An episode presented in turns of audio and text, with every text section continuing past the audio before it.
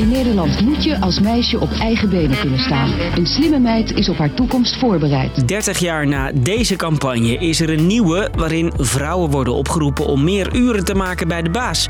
De slogan is: wil je meer werken, laat het merken. Toen ik thuis vertelde dat ik meer wilde gaan werken, uh, waren ze eigenlijk heel erg enthousiast. Maar is dat wel het probleem? Er wordt echter wel behoorlijk veel nadruk gelegd bij de vrouwen zelf. Zolang mannen buiten beeld blijven, gaan we die problemen niet echt oplossen. Vrouwen die parttime werken worden wel eens spottend deeltijdprinsesjes genoemd.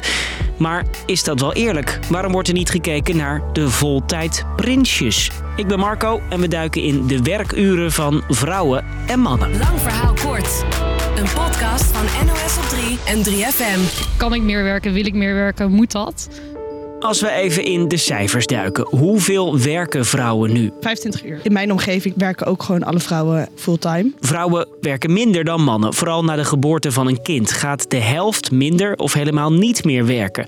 Bijvoorbeeld omdat vrouwen minder verdienen dan mannen voor hetzelfde werk. 6 tot 13 procent. En het is niet altijd te combineren met bijvoorbeeld de zorg voor kinderen. De opvang die gaat pas open vanaf half acht. En in de zorg beginnen we eigenlijk om 7 uur. Dus we kunnen ook de kinderen niet kwijt. En die kinderopvang is ook nog duur.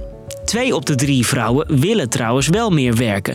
En dan werken ze ook nog vaak in de zorg en het onderwijs, waar een groot personeelstekort is. Meer werken heeft ook voordelen, legt hoogleraar sociale wetenschappen Mara Jerkens uit. Als zij meer gaan werken, zijn ze vaker economisch zelfstandig. Dat wil zeggen dat op het moment dat een relatie uitgaat, kun je het wel redden in je eentje met één salaris. Maar omdat het al jaren zo gaat, voelen vrouwen ook een maatschappelijke druk. Het gaat dan vaak over moeders die met de thee de kinderen opwacht als ze uit school zijn na hun parttime werk. Het is echt een soort ingesleten patroon. Vanuit de jaren 80 ook echt gegroeid vanuit overheidsbeleid toen. Het werd gestimuleerd. En in die tijd dat vrouwen net aan het werk ging, was er eigenlijk ook weinig kinderopvang of verlofregelingen. Dus dat was een beetje de enige optie voor vrouwen om werk en zorg te combineren. Was de zorg bij u gelijk verdeeld tussen u en uw partner? Nee, dat was hij niet. En hebben jullie het er wel eens over gehad dat u misschien wat minder zou moeten gaan werken om iets meer te kunnen zorgen? Uh, eerlijk gezegd hebben we het daar niet over gehad. En de mannen dan, hoeveel werken zij? De hele traditionele vorm van dat de man aan het werken is en mama thuis, dat is niet helemaal meer van deze tijd. Nou, toch wel. Mannen blijven voor het grootste deel fulltime naar werk crossen als er een baby is. En dus komt de zorgtaak voor kinderen en bijvoorbeeld mantelzorg voor ouders die ziek zijn op de vrouwen terecht.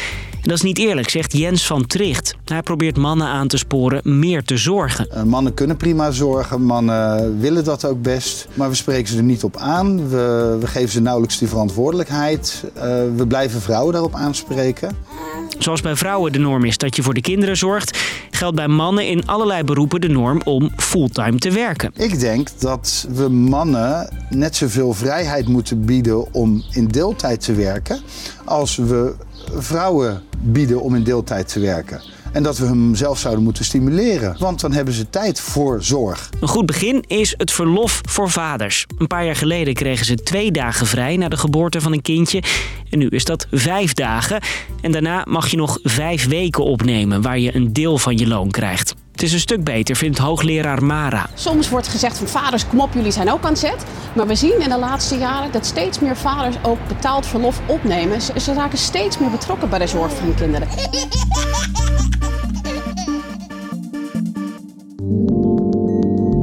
Vier op de tien ouders willen werk en zorg gelijk verdelen.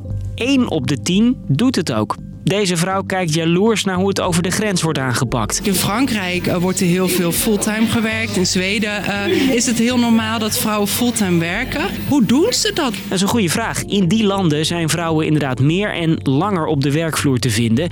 Maar daar zijn dingen ook wel iets anders geregeld. Ik denk dat landen zoals Zweden hebben volgens mij veel goedkopere opvang. En dan, dan ga je makkelijker die keus maken. Die kinderopvang is inderdaad zo goed als gratis. En ook gaat de schoolbel in Zweden een stuk later.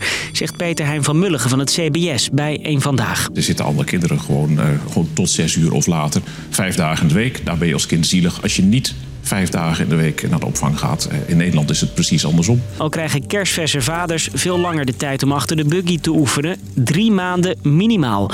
Zulke maatregelen zouden hier ook goed kunnen werken, denkt Van Mulligen. De dag heeft natuurlijk maar 24 uur. En als je wilt dat mensen en veel uren blijven werken... en ook die mantelzorg willen doen... dan denk ik dat je het ook moet faciliteren, dat het makkelijker wordt. Dus, lang verhaal kort. Oh, wacht. Mijn uren zitten erop. Ik eh, werk part-time. Eh, Chrisje, jij fulltime toch? Ja. Pak jij hem even over. Ja, lang verhaal kort. Vrouwen werken minder omdat ze bijvoorbeeld minder verdienen. En kinderopvang duur en ingewikkeld is. En het is ook de norm dat mannen fulltime werken en vrouwen meer voor de kinderen zorgen.